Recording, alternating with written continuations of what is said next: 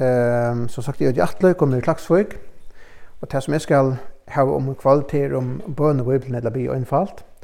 Att be infallt det är nog mest ju att han en titeln eh av bogen och sida finge.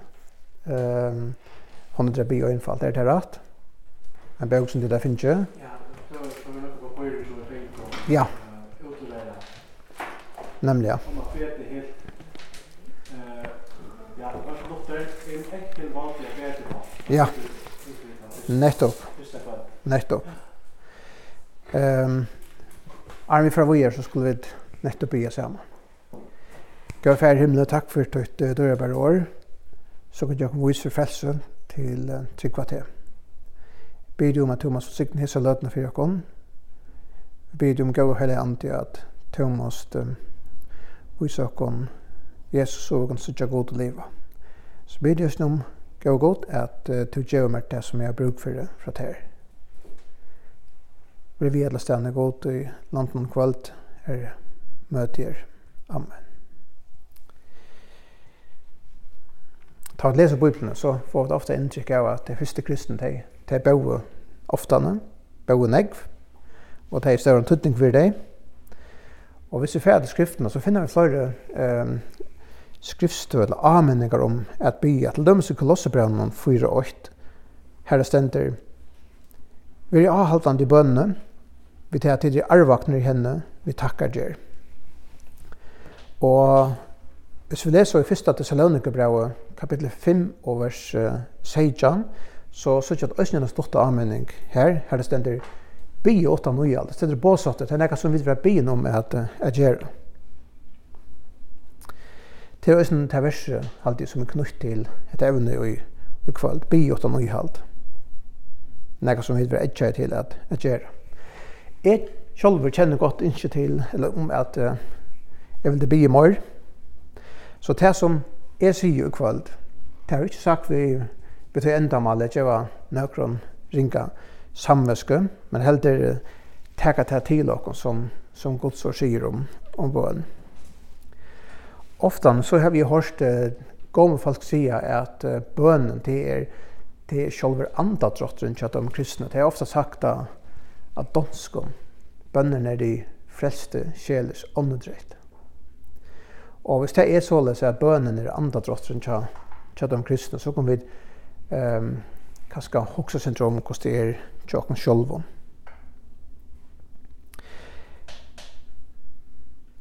Jeg har bare hva å si alt, og det er til at uh, jeg vet av alt bruk for god større nøye, og jeg til det kommer til dere ekne bønnerøy. Det er jo faktisk som uh, alt er det mest selvfylgjelige av ødlån er bya.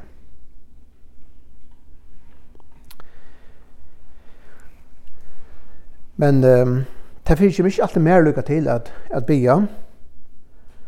Eller jeg vet ikke alltid hva det skal bya om. Um. Og verleggen er det såleis at det er ikke alltid slik til å bia.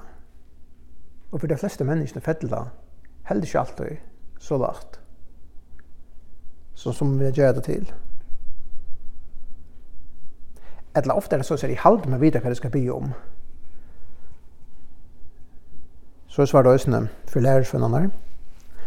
Hvis vi hittar og i Lukas evangeliet, og det er i kapittel 11 i Lukas evangeliet nå, Um, her stender i vers 8, og ta bær så av med han var av en steg jo helt på bøn, at øyne lærersvenn han herre, sier vi han, ta han ved helt med pæta bia. Herre, lær okkon at bia, såle som oss Johannes lærte lærersvennar søgnar. Bøn er um, nekka helt naturligt til det kommer til kristenløven, til ikke nekka som Det er ikke noe som kommer til seg, det er noe som er i, i midtdelen om. Og sånn her vil vi begynne med at søtja Guds rydde først av øtlom. Så bøn, til er ikke noe som skal gjøres til alt annet er gjørst, hvis man er høyre for, for tog til det. Til at alt annet kommer først til det. Om vi tok som syndafattelig, så eh, var okkar forløp til at bygge oss skøyklaver, at bygge til okkar feir himmelen, Det vi vil ikke fellesskap vi han, vi vil være kjølsherre røysen her. Jeg kan bruke imenskar hatter, imenskar metoder, men uh, verre kan er det så at akkurat nåttøra, hon er i det at bya til akkurat sanna feir. Hva så? Hva skal man så gjøre? Det er bare åtta gjøre, og til det som stender, og i til versen som leser om, om fra Lukas, kapittel 11, vers 8, til å fære til Jesus og be han her åkne via, jeg be han løy åkne med, med sønne hånd, og jeg synes det kommer til akkurat bøen. Læres for en annen, tar høyte vi nek sammen med Jesus, um, men det var oss som der skulle lære, og det var å be til hans herre og, og Jesu navn. Det kom mitt, mitt land å lese om i Johannes evangelien, og det er i kapittel, kapittel 16, Her stendur i vers 23 og 24. Og tann dagen skulle du ikke spørre meg om nekka. Sannelig, sannelig, sier tikkum, hva til så bya feiren om, det skal han gjeva tikkum i navnet møyna. Her til har du ikke bya om i navnet møyna, bya og til skulle få, for at glede tikkara kan være fullkommen. Jesus var alltid tja lærersvann, tja sier, men nu skulle alt brøytast. Jesus skulle dodja, han skulle være drypen, han skulle vinna okna ved til himmels. Til tikkene gagne er det færre borster, sier Jesus, og så legger han at træt, til færre ikke borster, ta kjemme talsmævren, ikke til tikkere, men færre borster skal sende han til tikkere. Det kommer vi med landa lese om i Johannes evangelium kapitel 16 og vers 6. Jesus sier bøgnløys at uh, det er bedre Guds heilige ande i tjadamon enn han er i tjadamon. Det er kommer til bøn som nøsne med noen selv vi har at at uh, Jesus han er deg for hva synder og at han nå er tja gode det er mest til at han er tja gode og er okkara rett i er fri hånd. Så i fri gode er Jesus alt det som vi ikke er. Han har oppfyllt all Guds krøv i okkara sted. Så Guds heilige ande, han er sender til okkom for å oppløse okkom om den fantastiske verløkken om hva Jesus har sier for en syndere. Så da Jesus forferder ham til himmels, så finke lærersvennerne og alle de som troer og søttene kom til trygg av Jesus, så finke de utgang til feiren av himmelen, og til er bønnen og Jesu navn. Til altså jeg vil slippe fram et, og det feir himmelen, og i, og i navnen av en øren, som vi kjenner og som, som kjenner oss. Akkurat som man slipper fram et, eh, Og i navn kanskje ikke større bøtjan, eller ikke større søster, det som har det. Og i Jesu navn så har vi syndana fyrirgjeving, vi det var nage, vi det var vi det var av liv. Faktisk har vi nekv møyra enn vi ofta gjevakon færum. Og i verløgane så er vi ångkant og langere borste fra færum enn Jesus er, Og det halte jeg er en fantastisk tanke. Vi drømmer at langt bort fra ferien enn Jesus er. Her er han Guds rettføse for oss. Er Jesus han er til ferien, det er mest i verløkene at uh, han er til her. Først og fremst til frelse for det med, men også til trøst og til hjelp. Så tar vi bia til feiren, så bia vi altså, vi bia til Jesus, vi bia i Jesu navnet tar vi bia til feiren, så vil han gjøre åkken til som vi tar bruk for. Her vi trygg for Jesus, så har vi andan, og andan vil pojka av alt det som Jesus er og sier det til, til dere. At andan skapar andalit liv. Det er ikke fylgjeløyt eh, og bøyblene. Åttan andan er ikke andalit liv, så er bønene nøysene deg. Åttan andan så er det ikke kristen bøn vid, vid bya. Ta vi bya til Jesus, så skal det også vite et annet, og det er at Jesus er et menneske i ødlandtøy som det er bevisser.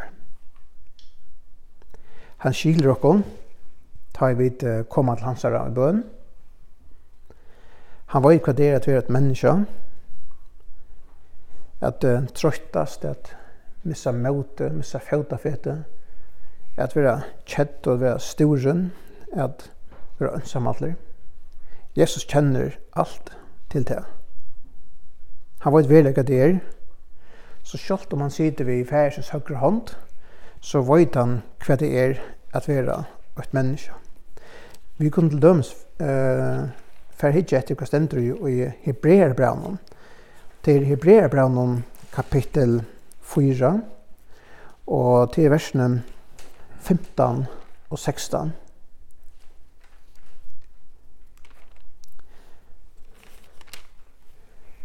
Tog at vi har ikke en høvesprest som ikke kan ha varkom vi vøygløkken okkara, men øyn som er frøst over atlan, atlan hot, lykka vi okkom to hans synd. Let nokon tog vi fri med å genga fram et haset og nøyenar, for jeg vil kunne få muskon og få nøye til hjelpar og i tøymeligere tøy. Så her vil vi etja i til at genga fram et haset og nøyenar, for jeg får nøye hjelp kvøy, jo grunnkjøvingen er nettopp akkurat som vi løser i vers 15. Tøyt hever ikke en høvsprest, som ikke kan ha varkon vi vajgløk nokkara, men en som er først er atlan hottløka vi okkon, tau åttan synd. Så han kjenner til okkara skrøybløyder, bei så også, åttan synd. Vær det ikke så da, så, så jeg henne ikke kunne være her, sitte her, og være alt for okkon så god krever. Så Jesus han kan ikke anna enn hava miskunn vi veiklag nokkar. Så at Jesus, at han er her, ta mest er nemlig at han er til åkken ved ødelen tøysen til blir vissar.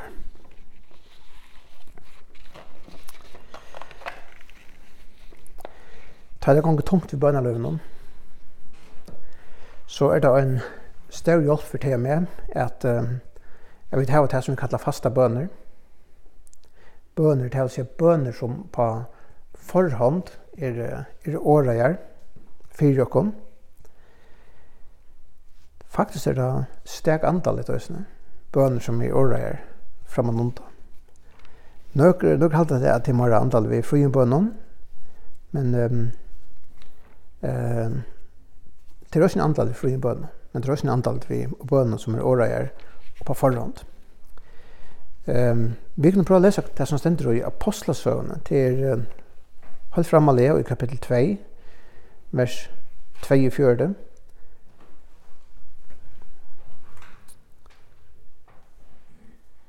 Og det hilde fast saman om nære apostlene og samfunnet og breibrødysene og bønene.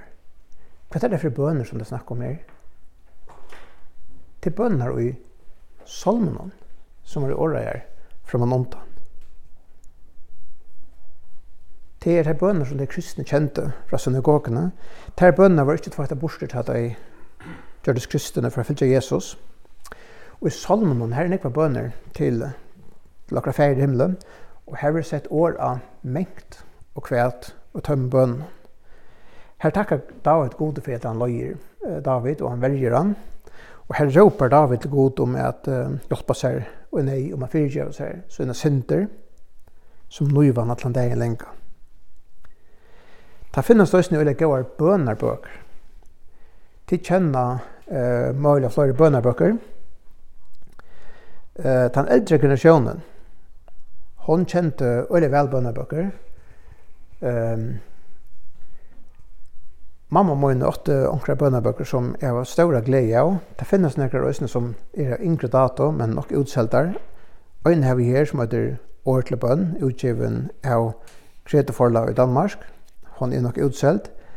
Men hette så et døme om, om hun er bønerbøk her, bønner i året er eh, for en måned, morgen og kvöld. Um, det finnes som sagt nekva gaua bønerbøker. Hikva stendur utom hvis du kommer fram med sårene. Det kan være en stor hjelp for til meg og jokere bønerløve at hava sårene. Den kjenteste fasta bønnen som er året fram nånda til fevar. Til hon som Jesus lærte lærersvønnen å bya, så hokk som til ta en nastferna til det byer fevar, at det er en bønn som er åra fremad ondan.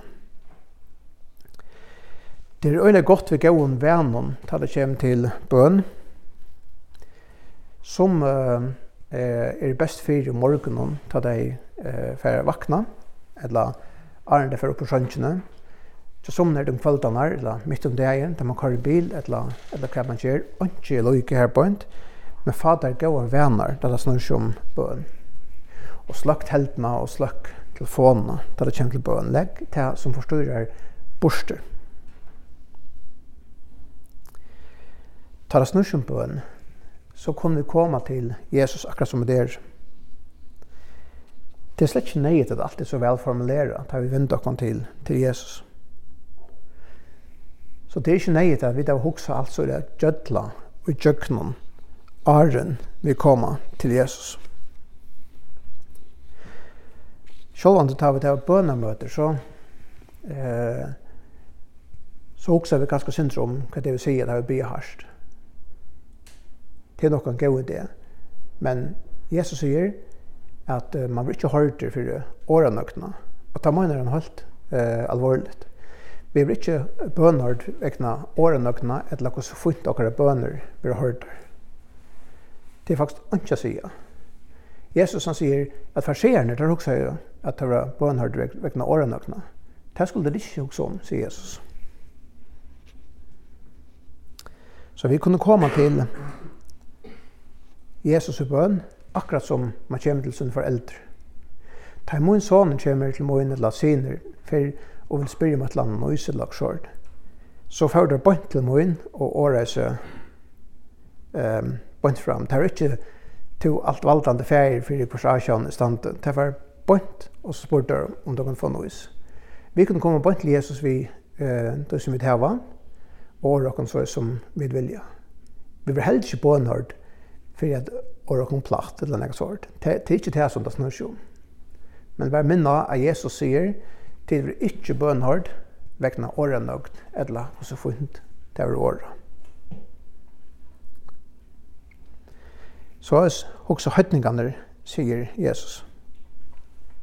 Tar er opptrykkene av at, at hver så god etla, etla andre mennesker vil støtt til som man sier.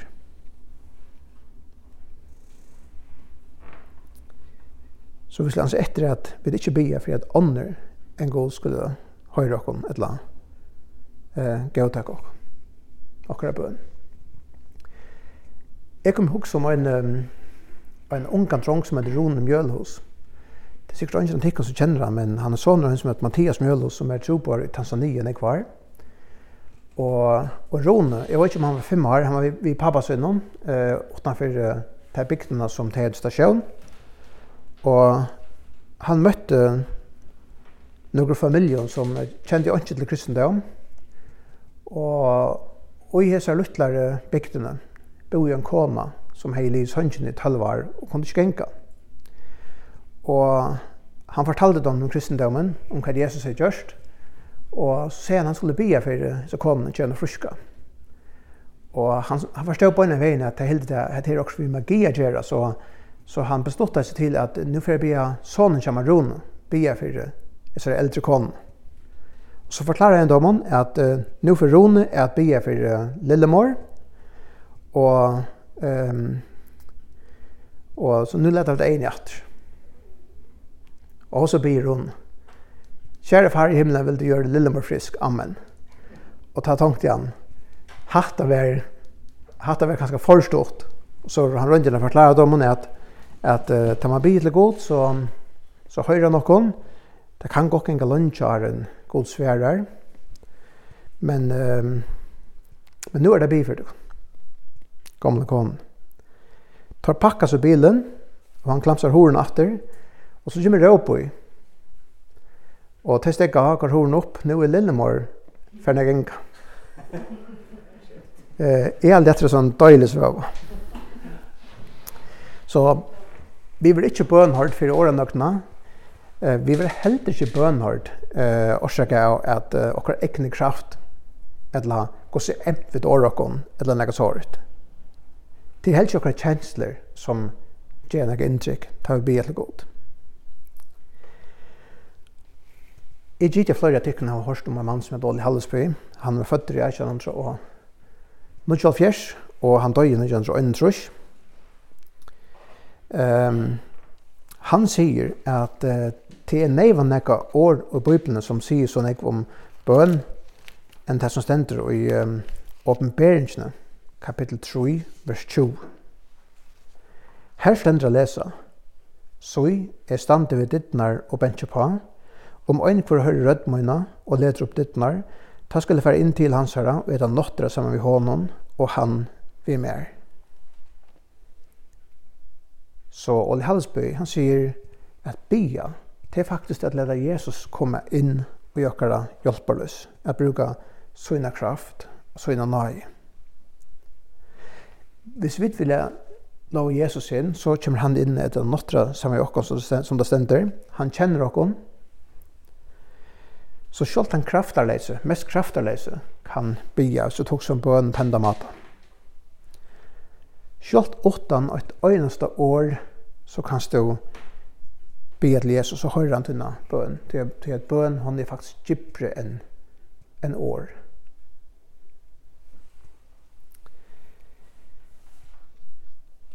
Og det Hallesby, han kommer nok snakk vinna at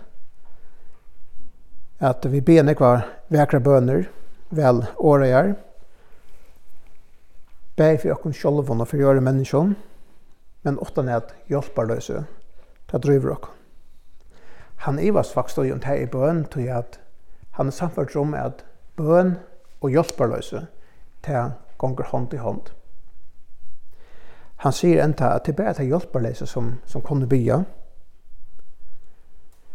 Det er godt for oss da vi ikke vite hva vi skulle bya om og hva vi skulle gjøre. Så vær litt hjelperløse til er røstene bøn. Men åttan trygg, så vil ikke bøn. Lugga mykje Guds største hjelperløse er. Hvis det er åttan trygg, så er det bare et råp på i, i det mørke nattene. Men tann som en sånn hjelperløse kommer til Jesus, hvis hun nei, han tror møyra, er man heldur. Det trygg vi er grunden i at det at komme til Jesus.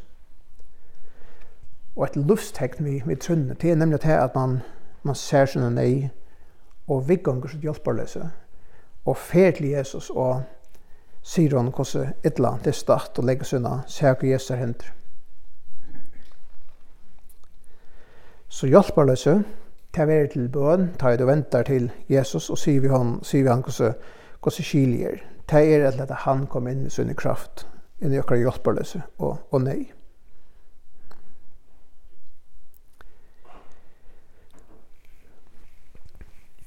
Her da i, i fjallatalene i Matteus evangelium, her det stender om, om fengvar.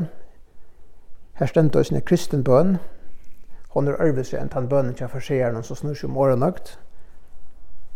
Her stender, men to, tøy du heldig bøn, Ta fer inn i kamartøyt og let hortøyna atter og bid til færtøyn som er i London. Og færtøyn som ser i London skal gjalda der. Hva er til? Det er mest for det første at kristen bøn, det er bøn til færen av himmelen. Færen ser ikke bare London, han, er, han er òsne her. Det er rommet du først nå, det er ikke tømt. Han ser det og han, han høyrer tøyna bøn. Og den lønnen som du først, det er ikke alt for noe avrik til her, men så fyllt jeg at halda seg til hans øre. At lade horene atter, det mestjer at man er for seg sjølva, eller seg sjølva.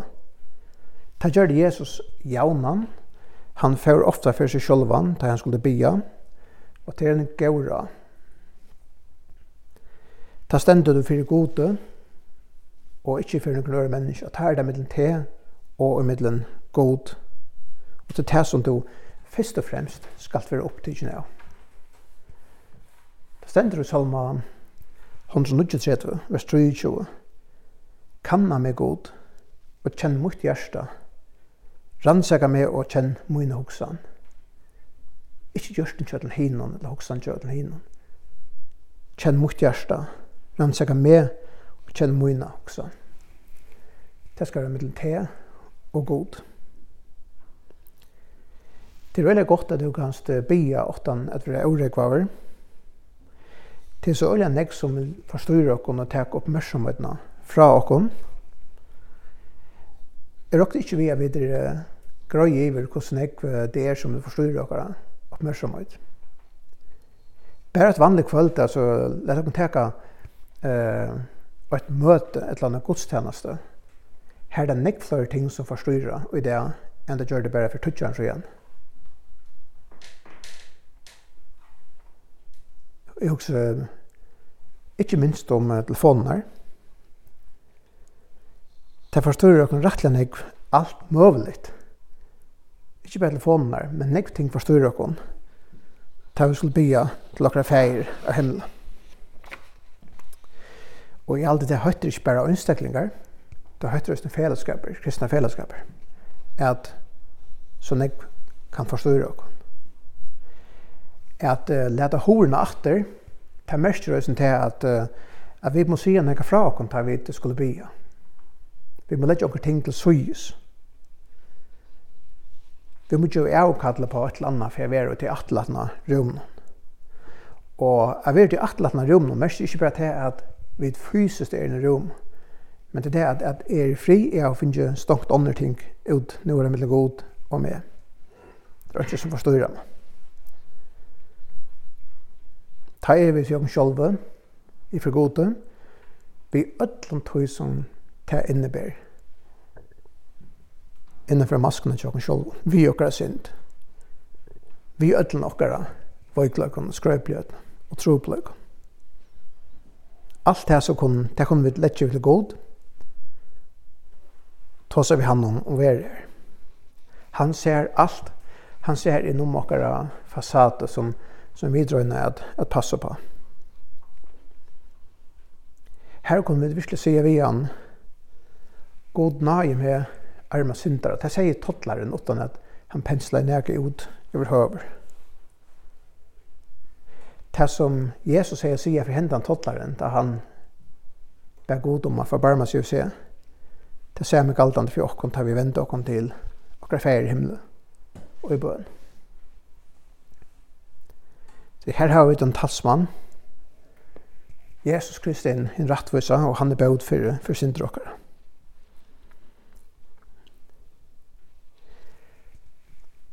Og en annan mat i hos som bønne på, det er det som stender i Johannes evangelion kapittel 2, vers 3, og det er i brittløpnen ved Kana.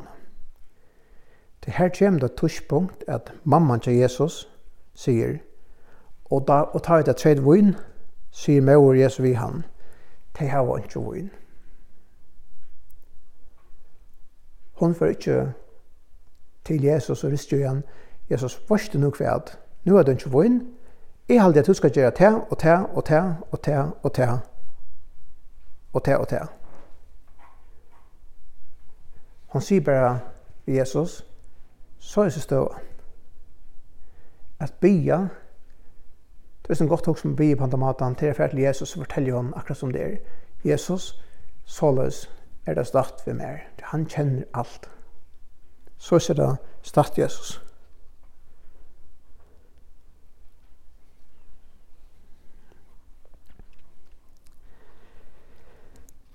Jeg vil enda ved at koma og si at det er øyelig godt at her var en som byr for det her. Jaun han byr det her. Jesus han sier sjolver jeg byr for det her. Da sier han i eh, kapittel 16 og i hans evangelien det som vi kallar høvesprestabøn. Jeg byr for det her. Og i vers 20 sier han Men jeg blir ikke øyne for Jesu, men også for tøymon som for årtøyre for at trykva av meg. Så Jesus han blir faktisk for okkom. Altså, men jeg blir ikke øyne for Jesu, men også for tøymon som for årtøyre for at trykva av meg. Her er vidvi, så Jesus blir også for okkom. Så Jesus ber öll de som tryggva han fram fyrir god. Og til en døylig tanke og en døylig verløyke som går sår pøygare. Mitt landa så byr Jesus om at vi må være varvårt fra de ytla. Jeg vet i øsne at at det er noen, noen andre mennesker som byr for det her. Det råkner i øsne vi, det ber større sikning visser. Jeg kan fortelle deg noen av søvn eh en en kvinna som uh, kom hjem av oss alt sitt liv. Og som er kjent med alt mitt liv. Hon heter Ella Høybro. Det er den omman som, som blir heia ved under klaks Um, første ferien er løyvnen i heien og i vittnesbord, det halde jeg var nok så hjelpbar lest, det som jeg sier. Men uh, her hjemme så ta det bønna med så ligger det knæ. Og så ber hon. Og jeg har aldri forstittlet meg det. Så ber hon, her som drønnsjen hon, har jeg ber for hvem det er, siden han var født. Det er veldig større sikning for meg. Hon var nekv, nekv, nekv var eldre enn jeg. Um, men du må atle at at vi fikk et helt særlig forhold at han er i Horstad der, og i ødelig hjemme oss visste jeg oss ned, at vi fikk et særlig forhold. Um, jeg har mine tankar om hvor hvor han gjør det, men uh, det er fantastisk at hun gjør det. Jeg har haft en mamma som også blir for meg når hun er ferdig, men det er så viktigt at du har omkring som blir for det her, til at det er større, det blir større sikning på seg. Men så vann jag ösnja till att be for noen öron. For det går venner at, uh, att be för någon öron også. Lyftene som botsår knyttet til bøn, de er så overhåndsstår og rydselig. Det kan ganske være et oppskott likken her nå, at uh, gjør det her, så vi tar gjørst ångt hjemme oss til er, at uh, vi tar alt det som kommer, ikke bare et kvöld, men vi tar kanskje gjørst en fyra fylgjande kvöld, de har skrivet navnet i seg selv om en lepa, så var det lagt i en kurv. Og ta vi, halte vi det finnes alt vi, så gjør det til at nå skal man tega segel opp etter. Men eh, ikke tega seg egna navn. Så vet man ikke ordentlig hva det er kvært, men så har vi alt øyne at bia for. Og det har vi så oppdateret for noen nøkroman så igjen. Det er en måte jeg gjør det på. Men jeg vågner til å bygge for omkron, til lyftene som godsår knyttet til bøn er så overhåndsdør. Jeg vil løsne ikke at det til at be for kristne løyere. Preston og og øren kristne løyere. Tog jeg tar en kjøteskiva eh, for djevelen. Så be for kristne løyere og eisne god kallar kristna løyer at standa fram og ta fast for Guds ord.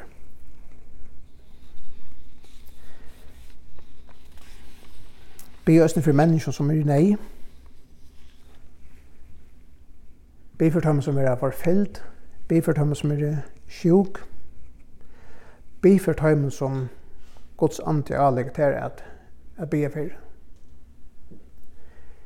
Be oss for mennesker som her folk koma til tøyn og be dem om at be for det, og øyne til løren.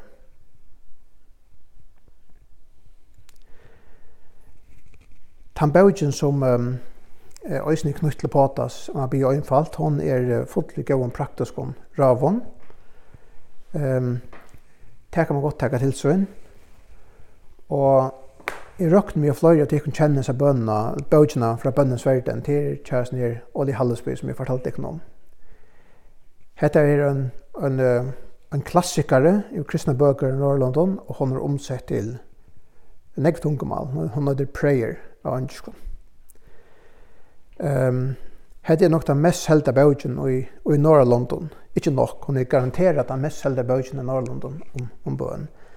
Og hon fast eh uh, hon fast framvis. Hesa bøkin vil er virkelig anbefala.